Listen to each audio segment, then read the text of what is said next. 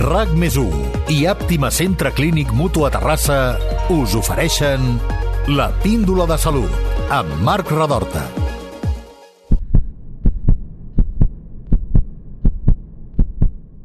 Aquesta és una píndola per l'esperança. Avui tornem a abordar el càncer, i més concretament el càncer de colon, que és el més comú al nostre país. La part més negativa del càncer de colon és que es tracta d'una malaltia força agressiva, que té un gran component hereditari i que cada vegada la contrau gent més jove. La part positiva és que els controls preventius permeten evitar molts casos i que els tractaments són cada cop més efectius i menys invasius. Avui hem portat dos testimonis impactants. El d'una família que ha vist com aquesta malaltia afectava a diferents membres i el d'un metge, que moltes vegades ha hagut de comunicar el diagnòstic i treballar per superar aquesta complicada situació. Ells són en José Carlos i el doctor Carles Pericay, oncòleg d'Àptima Centre Clínic. Els escoltarem amb més atenció que mai perquè, tot i que soni transcendent, el contingut d'aquest podcast pot ajudar a salvar vides. This is my fight song. Take back my life song. Prove I'm alright song. José Carlos, què li va passar a la teva germana? Bueno, a la meva germana, al setembre de 2020, li van diagnosticar un càncer de colon, mm, però ja tenia, ja havia fet metàrtesis i va estar lluitant 14 mesos fins al novembre de 2021 que va, ens va deixar. Uh -huh. I durant aquest procés tu també comences no? a, a tenir símptomes que podien ser compatibles amb el càncer de colon. Què, què, què et passava? Bueno, al final de els últims mesos de, que, de vida de la meva germana jo vaig començar pues, quan anava al lavabo pues, eh, treia mucositat, alguna vegada una miqueta de sang, i aleshores, pues, clar, és, eh, tenint lo de la meva germana, pues, eh, en seguida em va vindre al cap que, que podria tindre això. I vas decidir fer-te una colonoscòpia? Sí, vaig eh, demanar una colonoscòpia a un, a un, esto, a un metge de l'estómac i també em vaig fer la prova aquesta que envien eh, des de la sanitat pública, que va ser la farmàcia... Els cribratges. Sí. Uh -huh. Uh -huh. Aleshores, eh, aquí va sortir de... Positiu. Que, sí. Sí, sí. I la colonoscòpia pues, va sortir, -huh. lògicament, que tenia un tumor. I d'aquí te'n vas anar a la consulta del doctor Pericai. Exactament. Um, I que et confirma el diagnòstic totalment. Exactament. Um, quins pensaments en aquell moment et van venir al cap? Perquè, clar, suposo que devia caure una mica tot a sobre. Home, per l'experiència de, la, de la meva germana, pues, quan te diagnostiquen un càncer de colon i fa feia dos mesos i alguna que, que faltava la meva germana, pues clar, se te ve tot a sobre, no? I una miqueta pues, et poses molt negatiu i, i sobretot pues, penses en la família, en la meva dona i sobretot en els pares que són grans, i ara tenen 88 anys, i ja la pèrdua de la meva germana ha sigut molt dura. Clar Aleshores, després dir-los que jo també tinc l'enfermetat, pues, era... va ser molt dur. Uh -huh. Els pares molt dur, però bueno, jo després, eh, ja quan em vaig posar amb el Carles Pericai, la veritat és que em va donar bastant, bastantes esperances i, bueno, i em va dir això es pot superar i, i tenim de ser positius i bueno, pues, l'hem superat eh, gràcies mm, per, eh, per sort l'hem superat, no? Sí, sí. Estem molt contents. Tot sigui dit, fas molt bona cara, les coses com siguin. Eh, gràcies, sobretot, per estar aquí, per, per explicar-nos-ho. Eh, I deixa'm ara que saludi el, el doctor que et va portar, el doctor Carles Pericai, que és un col·lab d'Àptima Centre Clínic. Eh, doctor, benvingut també i gràcies per venir a aquesta píndola de salut. Moltes gràcies per invitar-me aquí pues, a intentar ajudar al màxim de gent possible. Sí, sí. Eh, de fet, aquesta és la idea. És que la gent eh, entengui bé exactament què, què significa aquesta malaltia dia, com es pot prevenir, com es pot afrontar quan ja te l'han diagnosticat um, i com, com, com es pot detectar ràpid, que és un de, ja ho comentarem, però és un dels aspectes uh, claus no? per, per, per un pronòstic favorable. Um, la primera de les proves... Um, ja és la colonoscòpia, no? És a dir, o, o comencem pel començament, anem pels cribratges, no? És a dir, quan, quan, un, quan reps una carta a casa, quan tu tens 50 anys, la rep tothom, només les persones que tenen antecedents familiars, com funciona això? Uh mhm. -huh. bueno, tenim uh, la gran sort de que uh, uh, tenim els cribatges, per fi, uh -huh. eh, ens hem donat comptes i el, les nostres autoritats han donat compte que realment això salva vides, no? El cribatge, el que fem és que hi ha un, un equip, un centre, sí. que el que determina és tota la població de cada una de les eh, ciutats, pobles que tenim a Catalunya, i el que fa és que tota aquella persona que té 50 anys i fins als 69 Sí. se li envia una carta. Uh -huh. eh? Aquesta carta el que fa és donar-li la notícia de que li ha arribat a aquella edat, això ja la gent ja Sí. ho sap, però que pot anar a la farmàcia a buscar el que nosaltres en diem el test de sang oculta feta. Uh -huh. eh? Això és una petita mostra, és una, un petit eh, dispositiu al qual tu poses una mica de la teva femta i pot sortir positiu o negatiu. Lo normal, lo més freqüent, negatiu. Això no està parlant amb, amb, amb moltes... Eh, amb quin, quin percentatge, diríem? Eh, És molt baix, eh? estem parlant igual d'un 1, 2% que surten eh, eh, positius, menys del 5%, eh? menys del 5%. Què passa? Que després d'aquests que surten positius, és a dir, aquests que la tècnica determina Sí, que hi ha sang, sí. d'aquests, la gran quantitat, menys d'un 5%, poden arribar a tenir un tumor. Menys d'un 5%. És a dir, fixeu-vos, eh? Sí, sí, sí, estem sí. parlant d'un menys d'un 5% del global i menys d'un 5% dels positius. És a dir, la Correcte. quantitat de tumors que trobem és molt baixa. Però sí que és veritat que aquell pacient al que li trobem no un tumor, sinó un pòlip, Correcte. El que estem fent aquí és ressequem aquest pòlip uh -huh. i el que estem evitant és que aquí hi hagi un tumor. Ho pregunto d'una altra manera. L'opció de que la prova eh, aquesta del cribratge et surti negativa però que sí que tinguis un tumor no existeix. No, O no, no, això... no dic que pugui haver-hi una excepció un dia, eh? però Eh, a dir... no és el més freqüent. No és, Pot- pot passar. arribar a passar, Pot però, passar. però és difícil que s'escapi, eh? És difícil. És difícil. És difícil. Per això eh, crec que, eh, no sé si ho comentarem més endavant, però realment una mica per començar a fer una, una, una cunya i és fem-nos el cribatge quan Correcte, ens arriba correcte. eh, quan ens arriba aquesta prova fem-lo perquè la penetrància que tenim en aquests moments dels cribatges és menor del 50% Sí. això vol dir que el, el 50% de la gent que seria candidata a fer-se el cribatge no se l'està fent Jo aquí um, no, no, no, no, o sigui, m'he de posar d'exemple, de mal exemple, però jo vaig rebre la carta i la vaig obrir, no sé, al cap d'un mes de rebre-la, i em van dir que ja no podia fer-me-la. És a dir, perquè et donen un temps determinat, um, perquè es veu que això va per ciutats o pel que sigui, um, i bueno, hauré de buscar altres maneres de fer-me-la perquè, a més a més, tinc antecedents i, per tant, m'interessa. I ja he superat el llindar aquest, que no, eh, molt dolorós dels 50 anys i, per tant, uh, uh, tocarà, tocarà fer-la. En tot cas, uh, la segona prova, en el cas de que les proves aquestes hagin sortit positives, entenc que és la colonoscòpia. Què, què veieu a la colonoscòpia? Quins són els signes d'alerta? A veure, quan eh, fem ja la colonoscòpia, el que determinem és algo que hi ha a nivell de, de la mucosa de l'intestí. Eh? És a dir, tota aquella zona veiem algo, un tumor. Eh? Uh -huh. Quan diguem un tumor, no té per què ser un càncer, però sí que és veritat que moltes vegades acabarà sent un càncer, una uh -huh. cosa eh, bueno, que, es, que es trenca, una cosa que tapa una miqueta el que és la llum del, de l'intestí.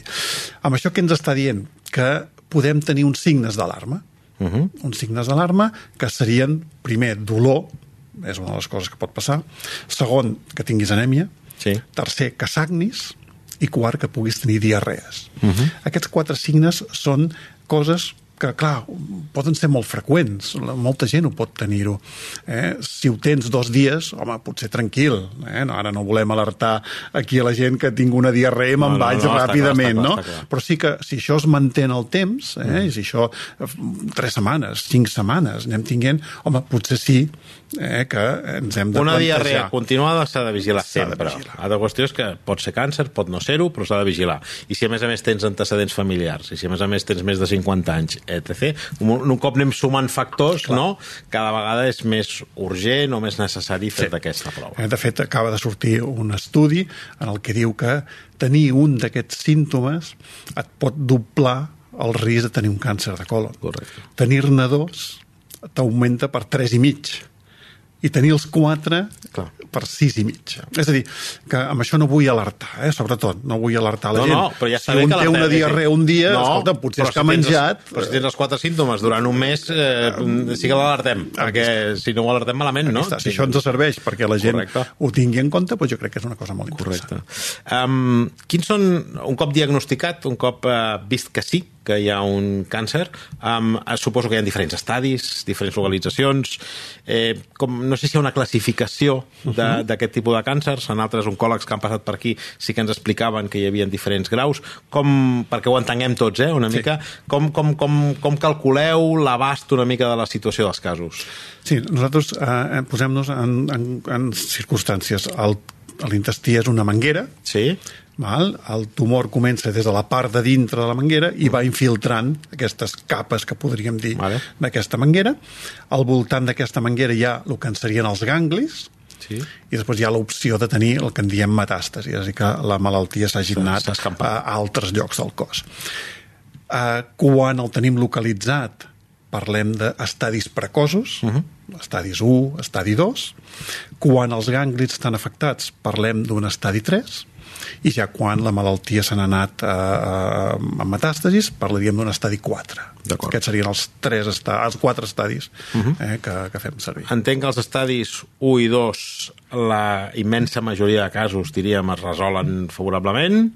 Amb els 3 ja deu de baixar el percentatge, amb els 4 no sé si es pot, eh, podem generar esperança aquí o ja és més complicat. Sí, eh? sí, sí. Eh, realment, a veure, els, òbviament, un estadi 1 és un estadi que no et diré, per desgràcia, que es pugui curar tothom, però es cura mm, Gairebé més del 95%, o sigui que en aquest aspecte, eh, amb estadis 2 el, la supervivència és molt alta, els estadis 3 també és alta, però no menys. I als estadis 4, el que tenim en aquests moments de bo és que estem curant pacients amb estadis 4. Correcte. Estem aconseguint tenir ja medicació que ens permet tractar aquesta malaltia i ressecar-la, curar-la, matar-la. Uh -huh. Per desgràcia, eh, òbviament, no és el més freqüent, però mm, en relació fa 30 anys, quan jo vaig començar, a lo que tenim ara, aquest augment de la supervivència està clarament augmentada. I cada vegada estem més a prop. Això ho, ho comentarem al final, però cada vegada eh, les solucions estan més, més properes en el temps. Um, quins són els tractaments més habituals que oferiu per, per solucionar el càncer de colon? A dia d'avui, òbviament, l'operació, això és una, una evidència. Però aquesta després- no, és la primera de les opcions o com... Mm, Depèn. Depèn. És a dir, eh, quan tenim un càncer en el colon, Sí. eh, la idea inicial avui dia en- encara és l'operació. Després, si vols, parlem... és, és com que el colon entenc que pots treure una part Sí. i l'afectació és relativa, no? És a dir, es tracta d'extreure aquesta part, Sí. no? Imaginem-nos una manguera, la manguera del jardí, Sí. que tenim un forat, tallem, tallem i empalmem, Empalmem. els dos trossos que... Tal qual. Que, tal, eh? Això... A veure, eh, més dificultat que explicar-ho en dit- 10 dit- segons, dit així, però, dit a vegades, això, però, eh, però, no, però, és un bon exemple. Perquè la gent pugui entendre. Eh? Correcte. Val? Què passa eh, quan tenim eh, a la malaltia, pues, eh, com a José Carlos, que la tenia al final de l'intestí? Això és la part del recte. Perdona, ell era un cas, a quin estadi estava ell? Un, dos, tres... Eh, bueno, tenia una malaltia que havíem de tractar pel que tenim en aquests Sí. moments amb un tractament abans d'operar. Sabem que si fem un tractament de quimioteràpia i de radioteràpia Sí. conjuntament, reduïm aquesta malaltia i després ens permet operar amb moltes més garanties de curar aquesta malaltia, de ressecar aquesta malaltia. Què passa? Estan millorant els tractaments, una mica, si voleu, per començar, no? però ja estem veient que fins i tot en el colon, que hem dit que operàvem primer i després feien quimioteràpia, ja estem començant a tenir dades que ens diuen que fer quimioteràpia abans i operar després sembla que pugui anar millor. Millor. Eh? Estem parlant en aquests moments d'un 7% de millor. Bueno, però ja és un 7%. Sí, sí, sí, eh? O sigui, bueno, benvingut, no? En el a tumors de recte, com el cas, eh, una de les coses que tenim és que en aquest evolutiu dels estudis que anem fent, per això animo a la gent a participar en estudis sempre amb cara i ulls, Sí, sí, eh? sí. O sigui, no, no estudis de qualsevol, sinó... Eh? A l'any 2020 apareix eh, dos estudis que ens canvien el patró de tractament en els pacients com eh, tenia José Carlos. Eh? És a dir, eh, fem coses que ja havíem estat treballant, ja teníem eh, estudis i més, però ara ja les dades ja ens diuen no? que fer un tractament de radioteràpia més quimioteràpia abans d'operar, però amb unes característiques una mica diferents, tampoc ens posarem perquè potser no és el, el, el motiu de, de, la, de la conversació, no? però fer tot el tractament abans ens permet tenir molts millors resultats. i, òbviament, molts millors resultats que també s'evidencien amb ell eh? perquè bueno, eh, ja li vaig transmetre, no? i és que eh, a les possibilitats de que no quedi tumor en els tractaments d'abans del 2020 aproximadament un 16%, 6, perdó, 1,6 de cada 10, en aquests moments 3, gairebé 4 de cada 10 queden sense malaltia. Mm. I ell va ell ser és un dels casos. Un dels casos. Un dels casos. Uh, de fet, tu em comentaves, quan preparàvem el podcast, que un, la part més delicada de tot el que et va plantejar el doctor potser era la cirurgia, no? Per, per què? Bueno, eh, la cirurgia es va fer amb l'emparoscòpia uh -huh. i el que deia ara el Carles, eh, jo tenia el tumor al recte sí. 7 centímetres per sobre de l'ano. Aleshores és, és, la zona, és una zona més delicada. Uh -huh. I també tenia afectats bastant ganglis, que els cirujanos pues, van, van estar 5 hores i mitja amb mi, amb el quiròfan, fent sutures, i bueno, al final l'operació va sortir bé, però va ser molt llarga perquè jo tenia bastants ganglis afectats. Sí, sí. I després, a més a més, entenc que l'operació també entenc que pot comportar um, efectes secundaris importants, rellevants, com a mínim durant un temps, no? Temes d'incontinència, bossa, aquest tipus de coses. Sí. Bueno, a mi em van posar la borsa. Sí. Jo vaig portar sis setmanes la borsa. Clar, però això no és per sempre. Això, en el teu cas, van ser sis setmanes. Sis, que... sis setmanes. Uh mhm. -huh i clar, això, eh, tot el trànsit es talla. Clar. Aleshores, quan entreu en la borsa, és quan tens de començar una altra vegada. Uh -huh. I, I, bueno, ara mateix jo, jo vaig al lavabo sis o set vegades al dia. Uh -huh. Quan jo abans, eh, quan m'aixecava pel matí, anava al lavabo i fins demà, a la uh -huh. mateixa hora. Sí. Aleshores, I ara no. Passa, i he tingut problemes de que he tingut incontinència, que tenia pèrdues. Sí. He, he portat una compresa de dona. Uh -huh mm -hmm. perquè me tacava. Però això, són un, però això és durant un temps i cada vegada va millor, no? Vinc sí. dir, no, no serà per sempre, això, no, doctor? No, ara, per exemple, ja vaig sense compressa, mm -hmm. Eh, no taco la roba interior, però sí que tinc de moltes vegades sí. al bany. Sí però, però comparat, bueno. amb, comparat amb tenir càncer és un problema no. molt relatiu, no? Vinc a dir que, que, i més si la perspectiva és de que això no, no hagi de ser per sempre, no? Uh mhm. -huh. Sí, a, a veure, eh, una de les coses que tenim clares és que, clar, segons l'alçada uh -huh. del tumor sí. en el recte, hi ha l'opció de que t'hagin de posar el que nosaltres en diem una bossa definitiva. Sí. Val? Què vol dir això? Quan estem a 2, 3, 4 centímetres, del que nosaltres sí. en diem el marginal, sí. uh, que l'exemple de, de, la, de la manguera, no? És a dir, tu necessites per empalmar la manguera que hi hagi manguera als dos cantons. Correcte. Si estàs molt al final, per un, per un cantó sí que tens manguera, però per l'altre no hi ha manguera, estàs al final, sí. no, no pots empalmar, no? amb la qual aquí sí que has d'abocar la, la, el colon en a la, a, la, a la paret. Amb això què vull dir? I és que quan un surt de quiròfan, si aquesta bossa la portes al cantó dret, dius, vale, bé, serà una temporada. Per què? Perquè el que hem fet és aquesta zona la deixem tranquil·la, la deixem refredar, uh -huh. i el que fem és que a l'ilion, la part final de l'intestí prim, si som molt tècnic m'ho dieu, sí, eh? sí. però jo penso que probablement potser la gent més o menys colon, eh, intestí prim, uh -huh. eh? l'aboquem la, a fora, que és el que portava José Carlos, deixem que es refredi uh -huh. tota aquesta zona, i al cap de X temps dependrà de si hem de fer tractament o no després, o dos, tres, quatre mesos, tanquem l'ilion amb el colon dret eh? i el trànsit continua, que és Correcte. el que ens estava explicant. Si sortim amb la bossa al cantó esquerre, és probable que aquí ja estem parlant de que portes una bossa definitiva. definitiva. Mm. Val? Quants casos, eh, més o menys, aproximadament, eh? però per fer-nos una idea, quines possibilitats tens de que sigui definitiva o que sigui no, temporal? O depèn de, de dependrà de l'alçada. De l'alçada on estigui el tumor. Sí, on estigui el tumor. Dependrà de l'alçada. 7 centímetres mm és un tumor en el qual ha d'anar tot molt malament perquè no pugui passar el que Va. li va passar a ell. I és Va. que eh, puguem acabar-ho empalmant tot perquè tot funcioni. Almenys amb el que és el recorregut. Correcte. Després una altra cosa és el que ens estava explicant, i és que la freqüència, totes aquestes coses poden ser variables. Però li anirà millorant també? Anirà millorant. Sí. És probable que no acabem mai d'estar D'estar exactament igual que abans, Perquè sí. hem, hem alterat l'anatomia. Mm. de la zona distal, hem tret una part del colo, de, del recte i del sigma, eh, de, de la part final, que eh, eh, diem sigma, no sé si el sifon del, dels lavabos eh, que fan aquella perquè no faci Sí, sí. olor i perquè retinguin però surti tot, doncs és una mica el que tenim en aquesta part just Mm. abans del recte i això ho hem retocat. Al retocar-ho, la baixada Mm-hmm. de la femta és més recta. Eh, dificulta tenir exactament el mateix freqüència. que abans. Mhm. Ah, Ara estàs bé, no? Deies? Sí, Trobes bé, a banda d'aquestes... Eh, d'haver d'anar més sovint al lavabo, per lo de més bé. Pots fer vida bastant normal, no? sí, no, eh, vida normal sí que la faig. Inclús eh, amb la quimio jo feia vida normal.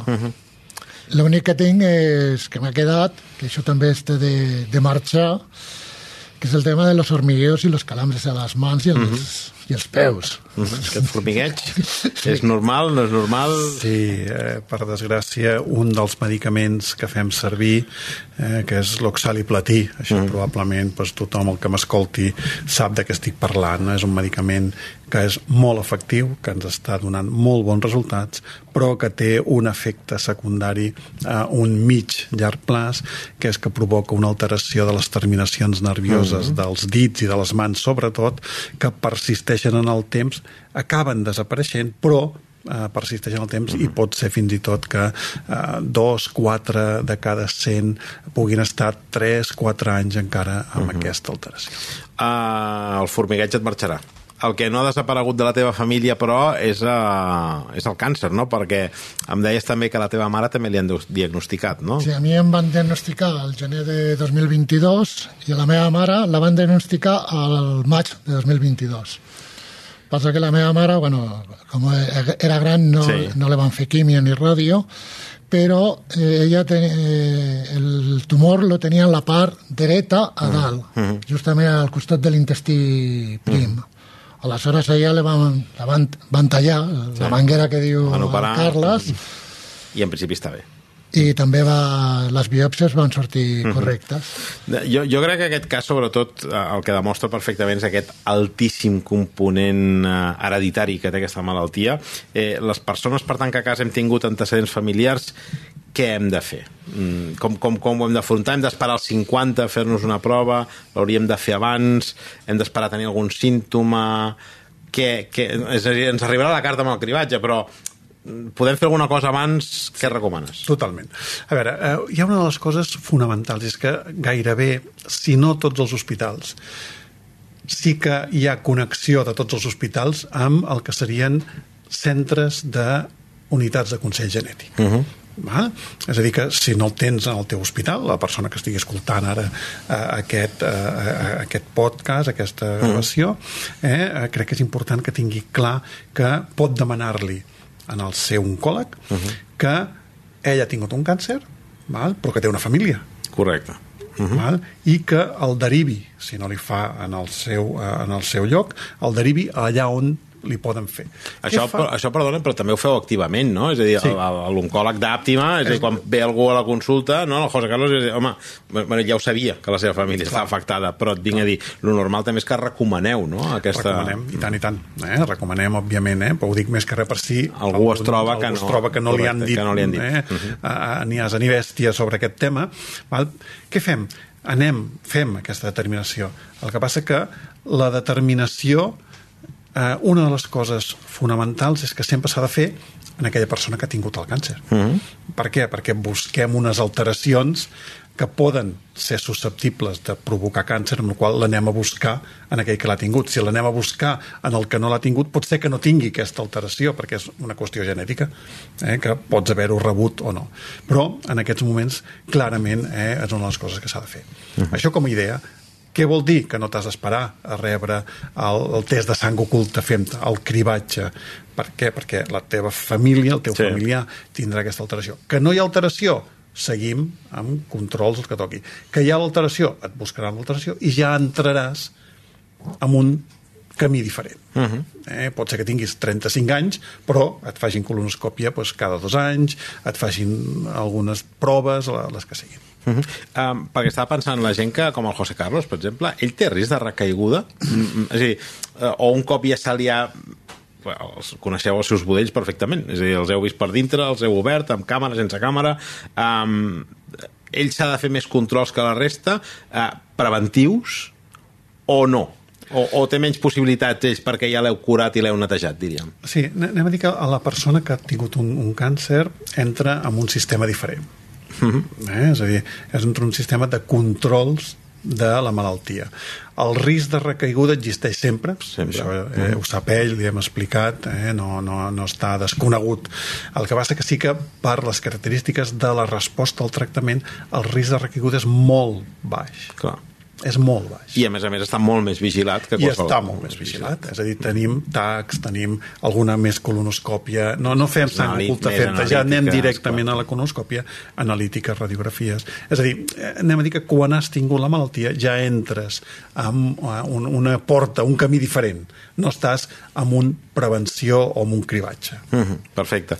Um, M'agradaria acabar una mica parlant de, de quin és l'horitzó de tot això des del punt de vista mèdic, científic, fins i tot. És a dir, eh, si tanquem els ulls i ens imaginem, no sé, a 10 anys vista, posem per cas, què, què, ens, què ens podem imaginar? Com, com haurem abordat aquesta malaltia? Què s'està investigant? Amb què s'està treballant perquè tot això afecti menys gent o d'una manera menys agressiva o fins i tot encara que sigui molt més a llarg termini, podem arribar-ho a, a controlar. Uh -huh. uh, bueno, per desgràcia, cada vegada està afectant a més gent. El que uh -huh. passa que amb els cribatges cada vegada estem curant a més gent. Correcte. Vale? Aquesta és la primera. La segona, l'horitzó és no operar aquests tumors. Uh -huh. eh, jo crec que arribarà aquest dia. De fet, en aquests moments ja tenim uns tractaments, la immunoteràpia, sí. que eh, és efectiva amb un 15% dels de, de els pacients que tenen una alteració molt concreta, eh, que diem inestabilitat de microsatèl·lits. Això, Això eh, ho dic aquí per sí, si sí. algú ho ha sentit, doncs a vegades, mira, ah, ha dit allò que... Eh? I eh, el que ens està produint és que eh, estem aconseguint que tots els tumors que tenen aquesta alteració els hi donem immunoteràpia responen. Però és que fins i tot quan operem, més del 60%, és a dir, 6 de cada 10, quan els operem, no tenen malaltia o sigui, hem aconseguit treure o matar uh -huh. la malaltia. Clar, això encara ens falta el seguiment, veure com va, però realment és espectacular. Això no ho aconseguíem. Quan he dit que fèiem quimioteràpia abans, estàvem parlant de 20 de cada 100, 2 de cada 10. Aquí ja estem parlant de més de 6, gairebé 7. O sigui que estem triplicant l'efectivitat en aquest grup petit però sí que és veritat que mica a mica anem treballant per aconseguir que això sigui a tot el gruix uh -huh. dels nostres pacients. És a dir, que el futur, jo no sé si serà d'aquí 10 anys, eh? però sí que en aquest grup concret, probablement, i ja estem fent estudis ara, uh -huh. eh? probablement eh, d'aquí 10 anys potser ja no els operarem. En la resta, aquell altre 75-80%, probablement ja començarem a no operar-ne alguns, eh? però de moment encara estarem operant. Uh -huh. Potser no són 10 anys, potser són 15, potser són 20, però jo crec que arribarem a no operar el pacient. I per controlar la malaltia necessitarem també recursos. Eh, inversió en investigació, en recerca. Ens hi hem posat amb la Covid quan ha calgut, és a dir, que, que hem demostrat que quan el món s'uneix per una cosa d'aquestes doncs és capaç de trobar solucions eh, sí. increïblement ràpides, perquè va haver-hi un moment que això no ho veiem gens clar i, i ens n'hem sortit com a societat, jo crec, malgrat eh, eh, la gent que, doncs, que no ho ha pogut superar, però vaja, eh, s'ha donat la vacuna, s'ha administrat i ha funcionat, eh, falten recursos no? per acabar d'avançar amb tot això. Sí, sí, tinguem en compte una cosa i és que estem, no? ens falten recursos per tot, no? però estem avançant amb els estudis, eh? estem avançant, tots aquests recursos ens porten doncs, el que he comentat abans, no? el 2020 canviem el paradigma, en aquests moments ja tenim estudis en marxa que podran canviar una altra part de paradigma en el pacient per no haver de uh, sofrir o de patir una, una cirurgia, però crec que també ens falten recursos pel que nosaltres diem doncs, casos com José Carlos, és a dir, el que diem el llar supervivent. Uh -huh. eh? Que, eh, eh, la investigació científica és important, però i la investigació social? Correcte. Eh, com fem l'entrada i la continuïtat d'aquell pacient que ha patit tota una sèrie no, de, de comorbilitats per culpa del tractament, per culpa de la cirurgia, per culpa de la quimioteràpia, per culpa... Com fem perquè la inserció dintre de la vida pugui ser absolutament normal. No? Ens falten aquests recursos. Estem treballant no? i estem intentant eh, aconseguir no? fer aquests llargs seguiments. El que passa que, clar, estem parlant justament de uh, recursos, de diners, Sí, sí. Eh? perquè al final uh, seguir a tots els pacients ens implica justament tenir gent, tenir medis per poder-ho Sí, sí, fer. Però bueno, a, a, a tot el que és l'àmbit no, d'Àptima estem intentant tirar endavant això endavant, eh? I, i bueno, jo crec que no dic que serà demà passat, però potser en aquests 10 anys que estàvem parlant eh, tindrem un seguiment molt més acurat de tots eh, els nostres pacients. Doncs ens quedem amb aquesta, jo crec que bona notícia o bones sensacions, no? Eh, doctor Carles Pericay, oncòleg de Centre Clínic Mutu Terrassa, eh, i José Carlos, doctor, eh, pacient del doctor Pericay. Moltes gràcies per venir i per explicar-nos en primera persona com es viu i sobretot com es cura aquesta, aquesta malaltia. Crec que aquesta píndola de salut serà especialment útil a moltes persones que en algun moment o altre rebin aquest diagnòstic. Moltes gràcies i fins a la propera. Vale, Moltes gràcies. gràcies.